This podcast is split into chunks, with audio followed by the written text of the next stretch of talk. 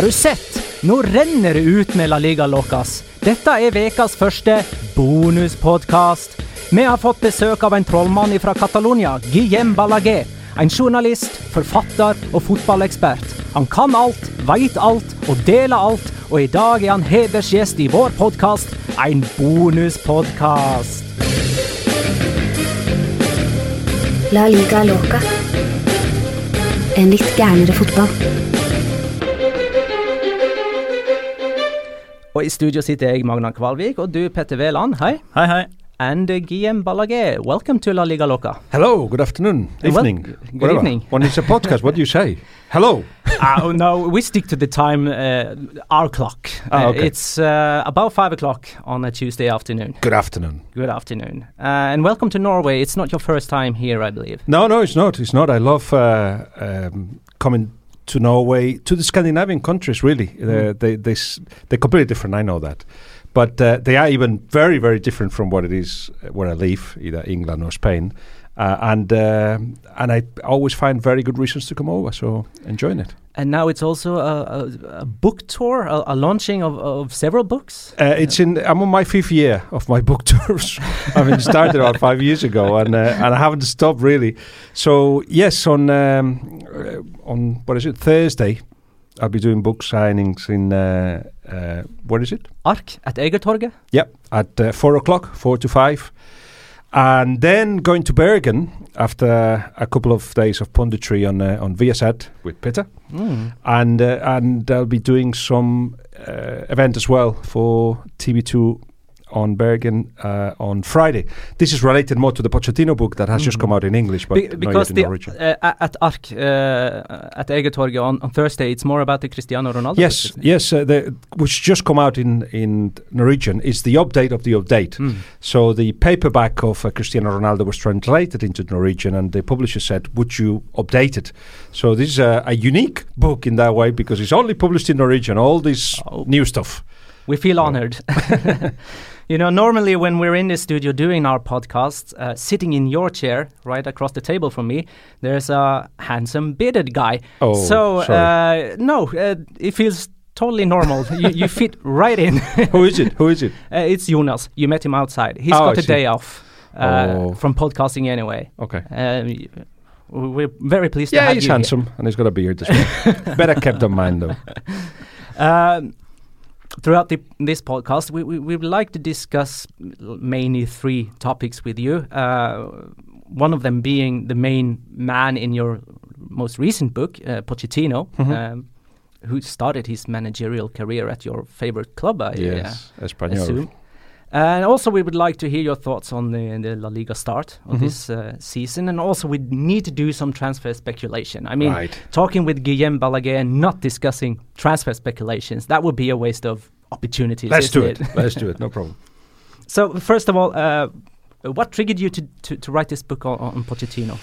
So, once you've done, say, in the last the last three, which took took place in in a period of about three four years, Pep Guardiola, uh, Messi, Ronaldo. After that, uh, the decision had to be made about two years ago. Who is it on the way up? Who is actually uh, somebody that would be interesting to follow, and who is growing and who is doing things a little bit different? So there weren't really many choices. I thought of uh, Simeone, uh, but there's something about the football that Simeone practices and and uh, that I wasn't particularly keen on. And then somebody from uh, Orion, the publishers, my publishers in the UK, said, uh, "How about Pochettino? He's a big Spurs fan." I said, "Do you believe in him?" I asked him, "Are the fans of Spurs believing in him?" And this is two years ago, so they were like, "Y- "Yeah, kind of, yeah." And I thought, because I completely, absolutely believe in him. I've seen him work uh, in, at Espanyol. I've been very close to him for about 10 years or so. And I said, if you sometimes when you things are very, very close, you don't see them. So he was there, and yes, he was doing well, but I didn't think of it. And then I said, if you think it's a good idea, let, let's do it. So then I went to um, to Mauricio and I said, how about doing a book? And he was like, "Uh, which not too keen. uh, and then his wife said, "We have to do it. If there is the His opportunity." Yes, Karina said, uh, "We have to do it." So uh, Mauricio rang me back and said, uh, Karina says we have to do it. I said, well, if Karina says we have to do it, then we have to do it. So after that, it was a matter of uh, deciding what kind of format the whole thing was going to have, and uh, I was kind of bored with the usual story of. Uh, of, of a young guy that goes out of his city uh, and his em- environment and then goes somewhere else and does well. I've done that with the three previous ones. So I thought, how about a diary of the season? Uh, so I said, can I be there every Monday? Can I be in the training ground every Monday and talk to everybody? And they were like, yeah, let's do that. So that's what hap- that's what came out. It was is a biography in the first person. It's not an autobiography. Okay. It's not a ghosted book. It's a mixture of his words, his thinking, gaps filled by his wife or his assistants, uh, players that tell me stories but then come out in his words. So it's a bit of a literary experiment, which um, I think people have people like it. Uh, it's different, and of course, it's it's it's it's uh, it's an inside. We actually walked for a year with him inside the the the um, the, the, the changing room and, and the story of, of Spurs at a crucial period in the in the story of Spurs. So I think people have felt a little bit that's that's a weird way of doing it, but uh, they have found a lot of information that surprises them. You know, from from him. Uh, having all kind of junk food after losing against Newcastle and drinking Argentinian wine, uh, to how he's trying to lose weight all the time, the whole year spent losing weight, Oh, to uh, problems with with the likes of Walker or Dele Alli, which I think we've seen now, uh, what what what he was trying to get at, and and Eric Dier, and how he dealt with those situations. Uh, chats with the players, a lot of things that that uh, people uh, normally don't hear about. How did you first get to know him? With Mauricio, he's, he was uh, obviously I'm an Espanyol fan, so I, I've, I've seen him play uh, at Sarriá, and he was the captain and you know a, a leader. Uh, as such, I was always in awe of him, and then I became a journalist, uh, and I saw what he was doing, and I got close to him because I believed in what he was doing. He made us uh, fantasize about our club being special. Not the best, not the one that was going to win the titles, but special. But he did something special with that club, didn't he? He, he took over in 2009, in January, wasn't Yeah. it? And they were uh, in the relegation zone. And by the end of the season, they were number 10. And they had also beaten Barcelona at uh, at Camp Nou with Yeah. those With, with the De La Peña goals? Yeah, With the the- two with the De La Peña goals. Yes. Who have forgotten that? Uh, and I mean, uh, what was special about him at Espanyol, for example? I think It This is- definitely caught Southampton's attention. Yes, yes, and I'll tell you how how that happened. But recently, I had a, I, we did a, an interview with with with an audience with um, Eddie Jones, the uh, the England uh, rugby national coach, and he said something which stuck in my mind. Everybody wants to be part of something special. And when that happens, if somebody is able to create that atmosphere, then everybody buys into that and, and gives you more than they probably think they have. Well, he did that at Espanyol. He brought young players. Jordi Amat, for instance, uh, told me that when he made his debut, he was like 18 or something. And I think one of his early games was against Barcelona. And in midweek, uh, just before the game on Saturday, he told, uh, Pochettino told Jordi Amat, you're going to play. But don't worry, just be brave. Just do what, what you do. So he gave him two or three days to to um, to get used to the idea, and then when the game was a very good game, we lost against Barcelona with a dubious penalty of Xavi, uh, but it, it was it was a reflection of what he was trying to do, uh, being brave, bringing your players through, and doing in a, in a style, perhaps not against Barcelona because we tend to defend in our own box with with that good Barcelona, but the rest of the time it was a team that that pushed on, that uh, that that uh, wanted the ball, wanted to build from the back. A lot of things that were special. The problem is, and I think Espanyol fans and Southampton fans and Spurs fans in the future will find, is that the era post Pochettino is very hard. Nobody's good enough. Nobody's good enough. The area post Pochettino. Yeah, when Pochettino leaves, Okay. we just want the same. We just want 15 young kids through the, that have come through the academy. We want a brave team. We want uh, a team that gives everything all the time. We want a team that wants possession, uh, and we get really excited by it. It's not about winning the league because we won't, but it's about you know have have that 10 months of exciting football. And since then, it hasn't happened because most of the coaches that have arrived, including the one in charge now, who's Quique Sanchez Flores. yeah, a friend of mine, but a completely different nature. Uh, it's, it's just not the same. It's just not the same. So Southampton fans feel the same. So they hmm. felt betrayed because he left, because he hmm. created a special thing for a year and a half, and then he left. And he left because he had to leave. Uh, because the club was, was, you know, the players were going, and, and the people that brought him in, they weren't, they weren't there anymore. So- but the fans felt betrayed because he leaves them halfway through this exciting project. I think the fans of a Spurs will struggle if he eventually goes, when he goes, because yes, he is again creating this thing that's special, and everybody wants to be part of it. But uh, uh, yeah, Petter. Is that one of the reasons why Southampton uh, hired uh, an Argentinian named Ma- Mauricio Pellegrino? So uh, yeah, I'm not sure he goes like, well, right, uh, Pochettino's gone. Uh, have we got anybody else with the same name? Uh, it's not exactly like that, but quite clearly they see things that are similar. Mm. So not so much the Argentinian thing, but the fact that he succeeded in La Liga, that he did it with a very a small budget, that he doesn't mind to put players that are not very well known. He gives them the opportunity, as he did uh, with Alaves last season with with with Theo, with Llorente, uh, with Kiko Femenia, with Deyverson. So it, it was a, a lot of players that uh, he went like, "Come on, give me the the best you have," and then asked them even more, and then of course took them to the uh, to the Copa f- uh, final. So there was a lot of that. Uh, but how he was signed from Espanyol to Southampton was because the chairman at the time went to Montjuic to see Espanyol, and he went to see Coutinho. He wanted to sign, sign Coutinho. Yeah, he played for Espanyol. Uh, He was playing for, uh, uh, Espanyol. at that time, and in Montjuic, of course, their former stadium. Yes, Uh, yes. He was on loan from Inter, and uh, and halfway through the game, he said to um, uh, Peter Reid, who's who's like the technical secretary, or director of football of Southampton, said. Uh, uh, Lord Lee Reid, sorry, uh, said, "Who's who's that guy who's jumping up and down on the benches?" Oh, it's Pochettino. so they kept an eye on him.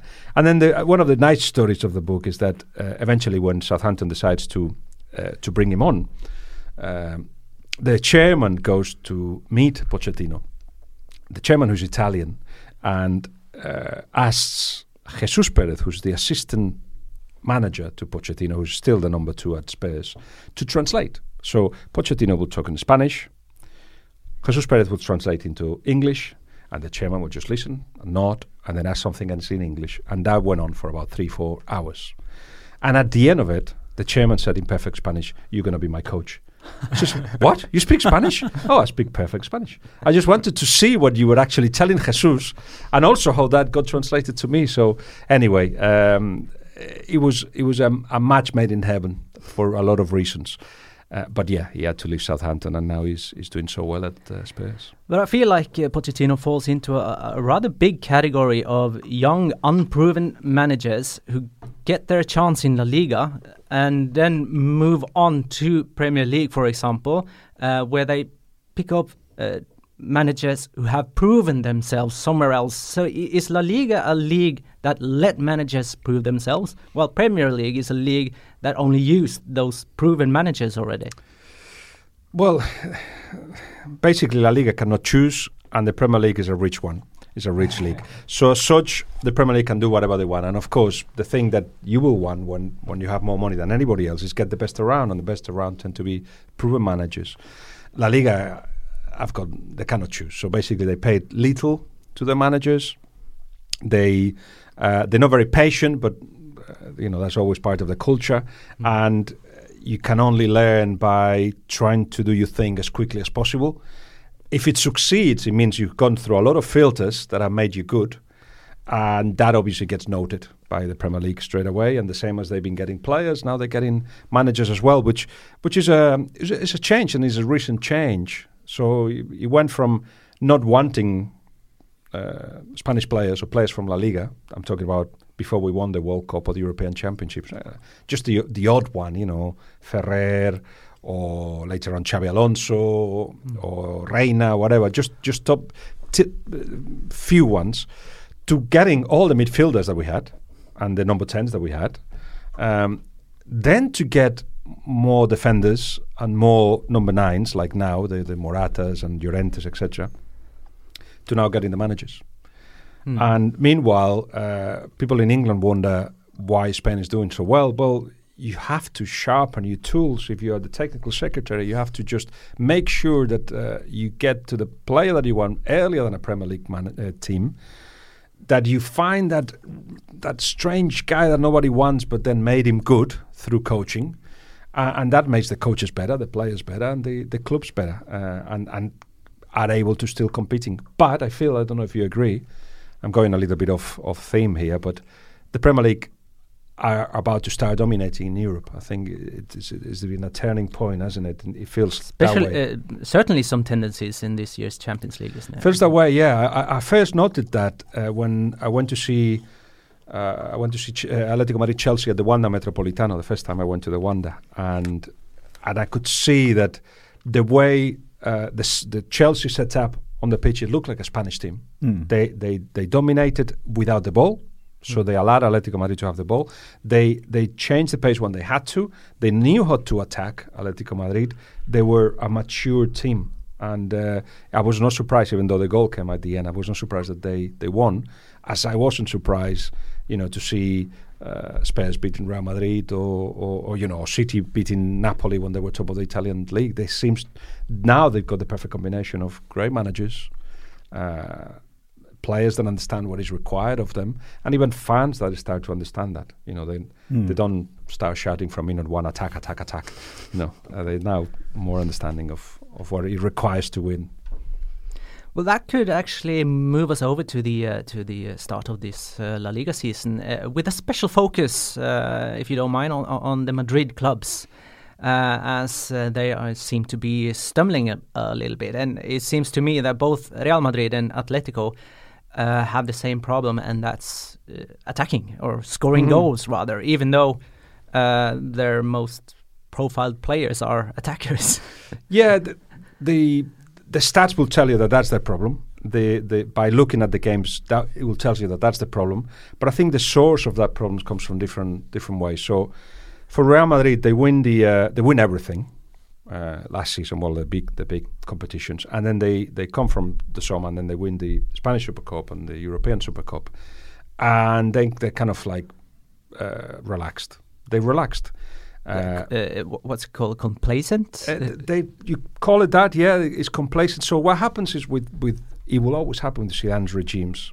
He's not uh, a um, a Marcelino or a Pep Guardiola or a Rafa Benitez that gi- gives the side a lot of tactical responses and gives a structure to the team. It depends a lot on the individual performances. So, you know, the individual performances gave him so much last season. It was very clever the way how Cristiano Ronaldo was managed and how you know he left the best for the end for the end of the season because he was sharp for the first time in like four years. So uh, impressed everywhere, and he was there when he was needed.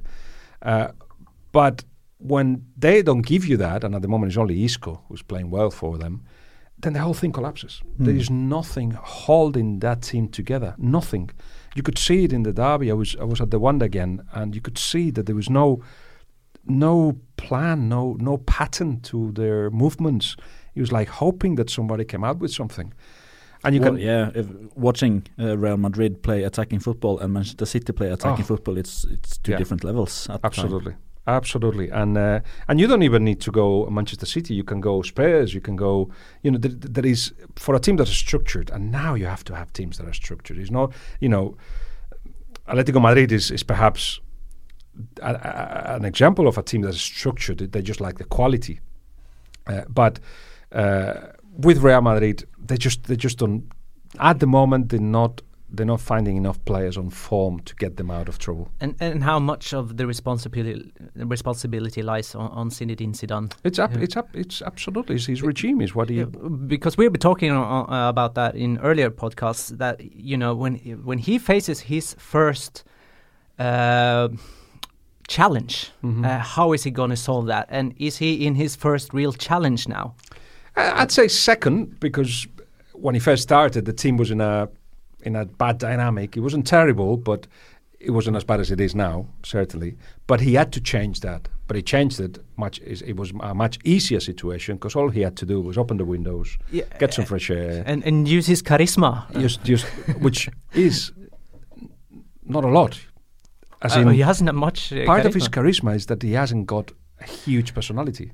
Okay, but he's got an aura. Uh, you know, He's got an aura. He's got a profile, and But History. by, what I'm trying to say is that he doesn't want to impose. So he comes in, sits, you know, I imagine sitting in the corner and letting things, everybody do their thing. And, and you know, how are you, Cristiano? No, I don't think you should play. And, all right, well, rest. And, but, you know, you'll be important later. I don't think he does a lot more. Um, I'm exaggerating, obviously, but, but you know what I'm trying to say. So that was relatively easy because those uh, those key players, Sergio Ramos and Cristiano Ronaldo, was a- were asked about Zidane, and both of them said, "Yeah, uh, Florentino wanted to get rid of Rafa, and both Cristiano and um Sergio said, "Yeah, he will be he will be okay because that's what we need, you know, uh, Del Bosque, if you like, that doesn't do a lot, but make sure that uh, the the guy big guys are happy, etc." Uh, so that worked, but you're absolutely right. Okay, now we change it to a negative dynamic, and teams go through that, especially after winning a lot. How does he come out of it? And the only responses you see it in the press conference. The only responses he has is, uh, "Oh, we will." Yeah, okay. How?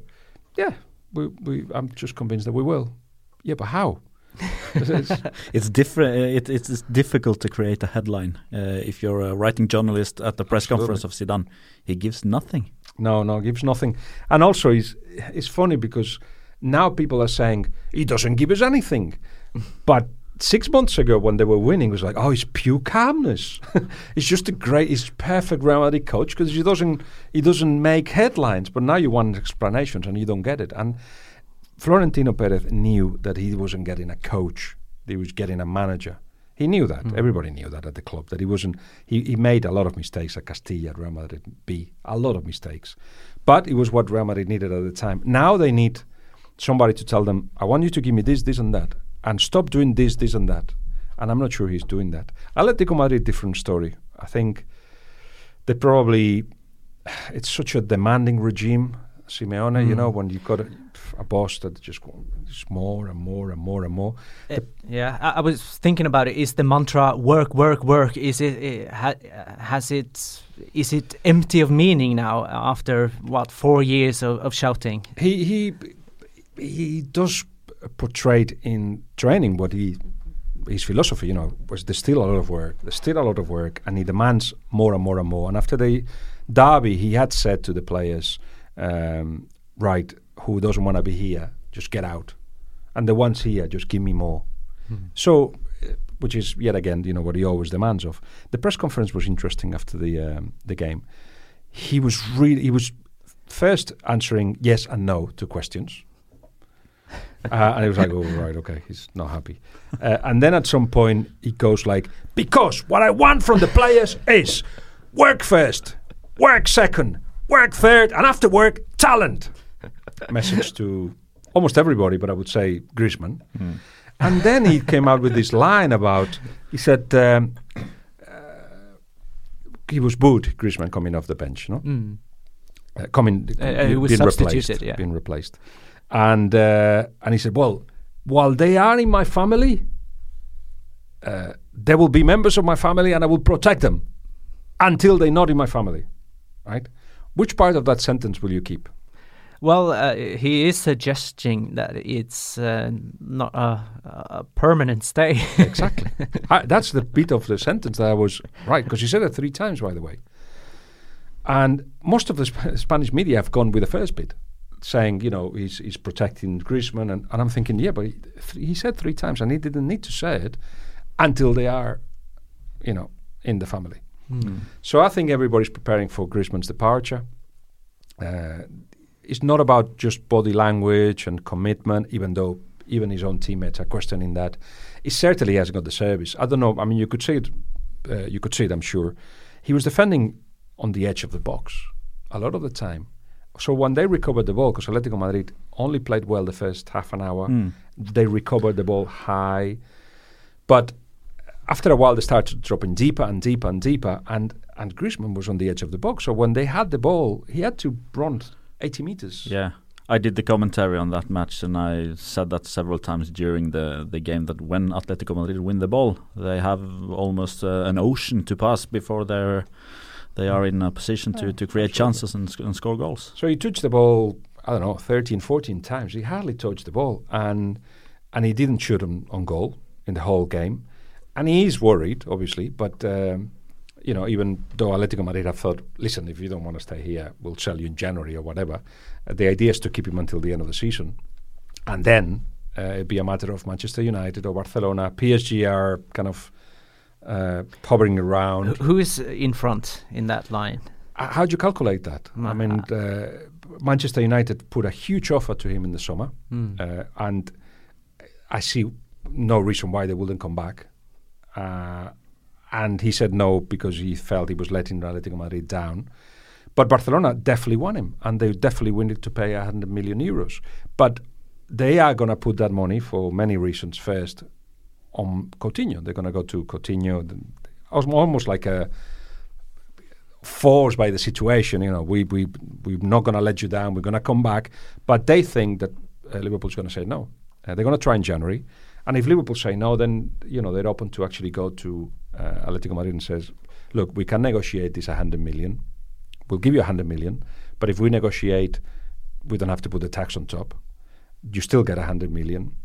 If you're happy with that, then then they may go for him. So Okay, uh, we're moving slowly into the transfer speculation Yes, um, topic, but I I just want to, um, before we leave the uh, the opening to the uh, La Liga season, there's a, there's a big game coming up on, on Sunday, Valencia uh, against Barcelona, and uh, do we all agree that those are the two best teams in La Liga? uh, no doubt. Are you At doing the it? moment. Are you doing it, Pete? I'm doing it. Yeah, I'm what do really looking forward to it because it's not only the, the best teams, it's uh, the ones who are scoring more goals. So after this uh, 0 it's 0 thir- draw, 33 uh, for Barcelona and 32 Valencia. yeah, That's they right. had 30 Yeah. each before this uh, weekend's match. and also the best defense in Barcelona with only four goals conceded. And no Piqué, no Mascherano. yes, I think I know. who's Salsa is play. back, and Guedes will start, Carlos Soler will start, and the games at Mestalla between Valencia and Barcelona are always tight. Barcelona, of course, by nature win uh, most of them, but when they win, it's by one goal, Mhm. and often very late. I remember the the penalty uh, two seasons two seasons ago, Sergio Busquets uh, scoring uh, a late uh, winner three seasons ago. Mhm. So it's uh, a match to to look forward to. Absolutely, absolutely. Yeah, who who do you think plays uh, alongside Umtiti in the central defense? Vermaelen, Tremal Vermaelen. Uh, Unless he gets injured Oh yeah, of these days. by then. yeah, yeah. I hope not for him, but uh, no, I, I did think that maybe Digne had a chance, but I think they're going to go for Vermaelen. But yeah, I'm I'm I'm very much looking forward to it. Uh, if if for me the Madrid derby was the match of the season uh, until this one, uh, this one represents the good things of of La Liga. Uh, it's almost like a final. I was in Valencia last week and I had a long chat with Marcelino and with and with Carlos Soler and with uh, and with uh, Gabriel, and they tell you on the record, you know, the league. No, obviously not. And Marcelino they, they can't fight for the league. They, they're no, saying. they're saying no. Mm. And Marcelino is very determined, even off the record, to say that, to insist on that, because he thinks, look, Barcelona is going to go 100 points. Uh, and for us to win, it has to be a bad Barcelona, a bad Atletico Madrid, and a bad Real Madrid. We've got two out of the three, but Barcelona is still there. So it's not going to happen. But then you talk to Gabriel, and he says, you know, we, we at the end of every game, we go like, really? We just won again? it's like, Eight in a row. Eight, eight in a row. Yeah, and now now they're uh, also winning the games where they're not playing good. Yeah, against Espanyol, for instance. And the. Alaves and Yes. the first half against Leganés. So, so they're saying, why not? This is the veterans talking. Why not? But for this, for this to happen, for them to have a chance, they obviously have. Everybody has to have the season of their lives. But more importantly, they reckon the two of the players that are the most influential, Rodrigo and, and they're young guys who at some point they're going to go like, "Am I? Aren't I doing well? I'm doing well, aren't I?" And when you start like that, you stop doing well Yeah. you relax, and uh, and they they they think that they have to be on top of them constantly. Marcelino does that, but of course he does it so often that I guess you stop listening to him. But Garay, uh, Garay and, and, and Gabriel especially, but Neto and others, they're just on top of these guys. Guedes especially. Yeah, that was good, but you can do more. You can do more. Give us more. Give us more. So it's one season where he's going to be. Un- they want to. They want him to be uncomfortable the whole season, and Rodrigo the same. Okay, you get these guys being as effective as they are, and this is the most effective side in La Liga.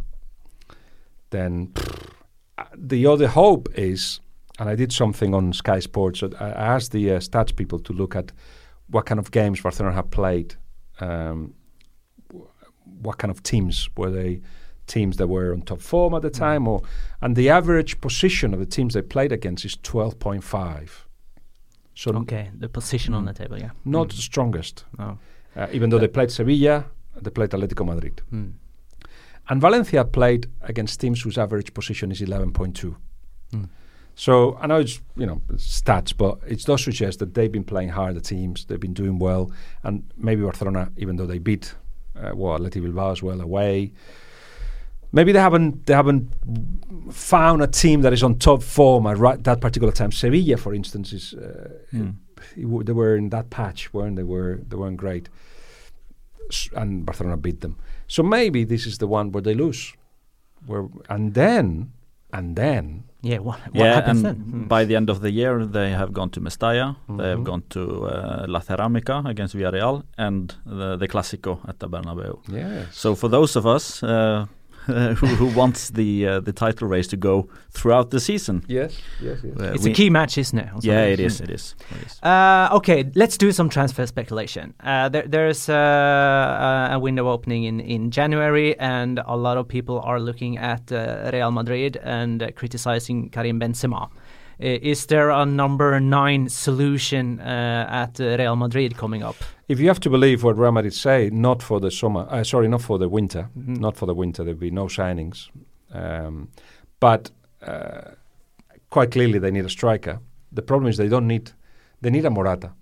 They don't want uh, a, a Lewandowski or a Harry Kane. No, because they want someone who can accept not being the high, higher profile. That's right, because yeah. in the big games, you know, even when Bale comes back, uh, and we were talking uh, with Peter about this on the way here, uh, he plays.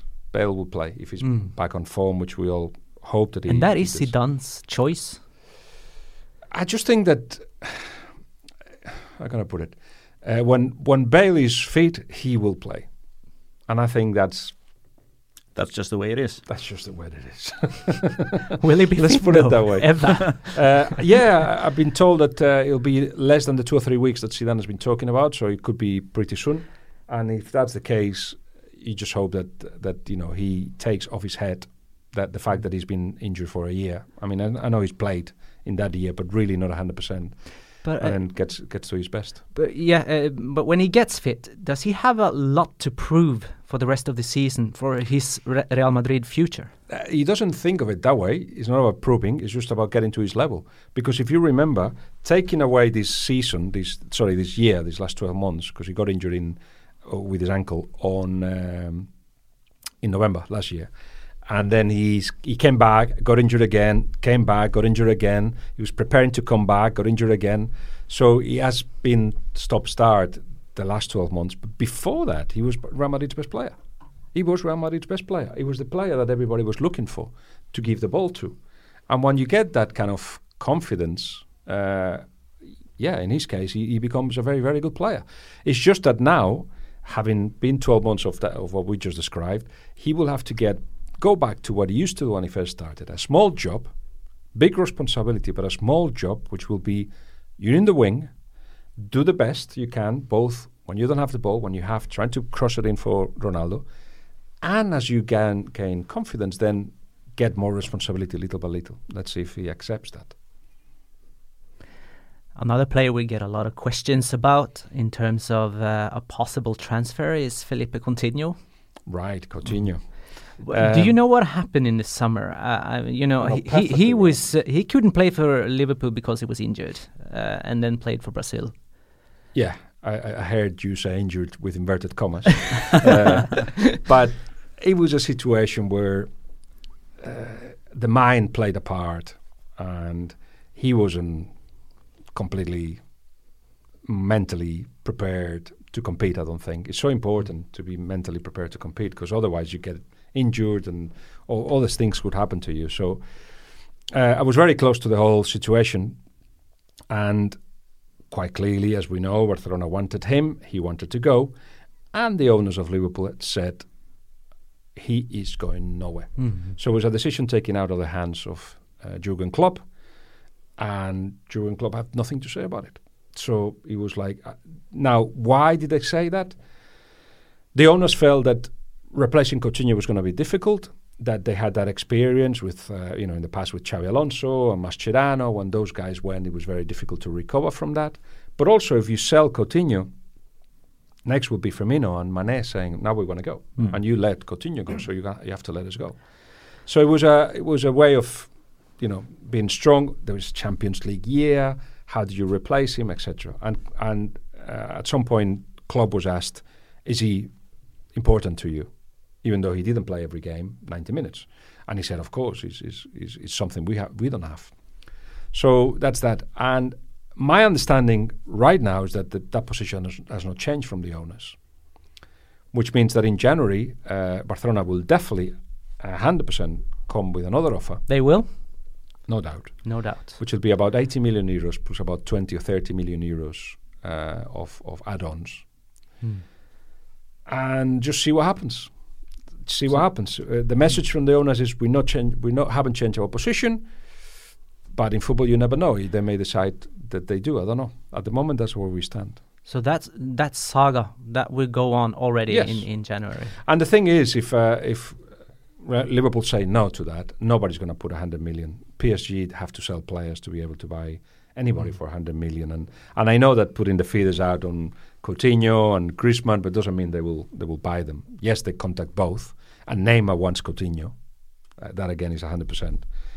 But that doesn't mean you know because they are close close friends. well, just just because I think in the case of Neymar, he wants a he wants a team where he feels comfortable. Uh, not so much that they are very very close, but but is the kind of people that he will get on with, as well as being very very good. So Neymar is, is pushing for that to happen. So we'll see, and and Barcelona may decide because they cannot just go buying players for 100 million like like there is no tomorrow. Uh, they may decide to put that money on Griezmann instead. So uh, Griezmann, we established, will play the season out for I Atletico so. Madrid, Yeah. but then the next summer things will start to happen. I start think they'll sell him. I Mm. think they'll sell him. Are there feisty possible transfers coming up in January, like speculations? I'd like to know uh, about Carlos Soler's uh, situation in Valencia. Yeah, that one. 100% interesting. staying at Valencia this season. Mm. Uh, Be- because I Manchester United have been pursuing him, haven't they they? have not put an offer. no It's- offer. No, there's a lot of media speculation there. Uh, they, they got a big buyer clause anyway, like 70 odd million or 80 million euros, something like that. But I spoke to him on uh, on that, and he said uh, he said it then publicly as well on a on a radio show, and I put a, I put a tweet with that with his own words saying, uh, I, I, I, I'm a, a Valencia fan. Valencia's in a good place. I was at Valencia since I was eight. I've been at Valencia since I was eight. It'd be stupid for me to think about any anything else but staying. Is a, is Valencia is, a, is in a good place now. You, if you're a Valencia fan, you don't want to leave. It's 21, too early for any of this. Uh, and why would you go to Manchester United right now? You know, uh, as in it will be uh, demands that may, he may not be ready to to meet yet. So he still got to you still got to see the best Carlos Soler. He's been doing well, but because he plays wide now, uh, he's, he's got to improve on his performances, maintain consistency. But uh, yeah, that's that's what he says. And before we went to, into the studio, we, we took a picture uh, with uh, us three and Jonas with the with the um, logo uh, Yeah, of you have to ours, send it to uh, and we have uh, we're going to publish that on the internet. Uh, why hasn't Messi and Bartomeu done that? uh, I've got a picture with Messi. Is that what you mean? uh, because Yeah, I heard you talking about this on La Liga Weekly uh, Right. this week, and uh, as I understand it, his father has signed a contract with He's got a Barcelona. mandate. So, so, he he has actually signed the contract. not just that, he's getting paid he's getting paid. under the new contract, Mhm. which is much bigger than Ronaldo's. hence Ronaldo getting upset. uh, but if he doesn't sign, uh, sorry, if he doesn't take the picture with with the president, it's for a reason because it's absolutely up to him. because that would make it official and f- And it, it, and it uh, would would kill all the speculation that Yes. in, in five weeks he so can why sign for. so for why are we and, waiting with the official uh, statement Well, if you ask Barcelona, they won't be able to answer because they just don't know. they don't understand it. They want it done tomorrow, if possible. So it has to be something holding it off, uh, obviously. And I think it's partly the fact that this board hasn't been as professional and as effective and as good as the team has been. So, and there are other players still that have to renew the contract. So it will be seen as a as backing backing up the board when other players like Piqué is trying to get a new contract out. That could be part partly it. It could be that uh, there's something in the contract, or there's something uh, that has happened since his dad signed a contract. For instance, I'm completely speculating here, but you know, there's a boom. You know, you spend um, 125 million euros for Dembele, right? Well, if you got that that much money, why were you negotiating with me in that previous contract that I have just well, my dad just signed? These 10 million that I wanted because of this or that or whatever. You know, I'm speculating, but it is something that ha- must have happened in those negotiations that didn't did, didn't make the Messis happy, I suppose. So now it's up to him when he does it, and it could be just a you know Christmas present for everybody if he does it for Barcelona fans, or may just not do it But, at all. But could it be uh, that since Barcelona are doing so great uh, on the pitch, they're leading La Liga uh, by four points, they have 10 points to their arch rivals. Could it be that Messi thinks that when these results are not going as good, if they lose against Valencia, uh, if they lose against Real Madrid, and, and people start to question their form, etc., boom, here's the picture, and everybody's happy yet again? But that that will be the strategy of the club, not of Messi. So for Messi, you know, for him, it's all about what happens on the pitch, and but for the club, it'll be ideal to keep that to then, uh, or even like Spurs did. I realized that by when I, I did the book that they p- did the pictures of the renewal of the contracts practically all in one day, and there was like six players renewing, and it was in the same same suit from Pochettino and and in the same place, and then they re- they release them every two weeks. So obviously, uh, it's, uh, not saying any secret. It's, it's a strategy, media strategy from the club. So it would be for the club ideal if actually that could be used to stop all those criticisms. For Messi, that's not an issue because he doesn't think strategi- strategically that way. So he could one day he says, "Oh, let's do it today." Or you know, what happens if he doesn't do it? Nothing, nothing. And no because the contract is there It's- it's- This contract is there. Hmm. But if you don't have a picture done, you can actually say in a year's time, you want the picture, let's do another contract. Of course. But is Manchester City aware of this? Or do I they think- or do they want They, to they, approach him? they would love to have Messi. Of course they would. But would they uh, affront him? Uh, would they present him an offer? Do they know that Messi's dad has signed a mandate? they know. Uh, they they have been in touch. These are people that have worked together, former Barcelona directors, and so there are conversations, as in uh, how do you call it? Not not official, uh, not negotiations, but there are conversations. How's it going? You know, you signed, yes. Well, not to him, but to his ent- entourage. They are very aware of the situation, and if there was one inch of a possibility, they will try. No doubt, no doubt. I just think both City and Pep Guardiola think there is no chance at all that he will even leave Barcelona. And as I said, he's already signed the contract. Unless for free. but he signed the contract. Yeah. So uh, I know that we're saying that in 40 days' time he will be free, but he won't. He won't. So that that's what we're getting. I mean, nobody's seen that sig- that signed autograph, but uh, uh, his dad and the club says that his dad has signed it, which counts as if. So the had signed it. Barcelona supporters shouldn't worry. They shouldn't. I don't think so. But the, the only worry is that why hasn't he done the picture? And then you can speculate, and you can even go as far as to say, as we uh, as we just discussed, if he doesn't sign it at all, he may be like, "I'll give you the picture, but uh, I think the market has changed, and this contract that you we signed a year ago it has to be changed." Maybe, maybe. Guillem, it's been a pleasure. I know Same you have to go now for the uh, Viasat's uh, Champions League studio. Not on my own. Uh, Yeah, Peter is I'm driving, driving. of course. Yeah, He's driving. driving. Okay. And also good luck on your uh, book launching tour of uh, Norway. Yes, I hope to see uh, some of you there. Four to five uh, p.m. on. Uh, what's Uh, Egetorget, yes. Erk, uh, On on Thursday. Yeah. Mm. Uh, jeg, Petter og Jonas er tilbake med en ny bonuspodkast mot slutten av denne veka, for vi reiser nemlig til Lerkendal Ja. og følger Rosenborg uh, Real Sociedad. Og spille inn en ny podkast imens den kampen pågår, satser vi på. Og Ja. så finner vi på noe sprell. Og så sitter vi og heier på Inigo Martinez. Det må vi nesten gjøre men det er veddemålet. Hvis ikke du kjenner til veddemålet, så må du høre vår eh, forrige podkast, episode nummer 11, så får du alle detaljene der. Ha det, da!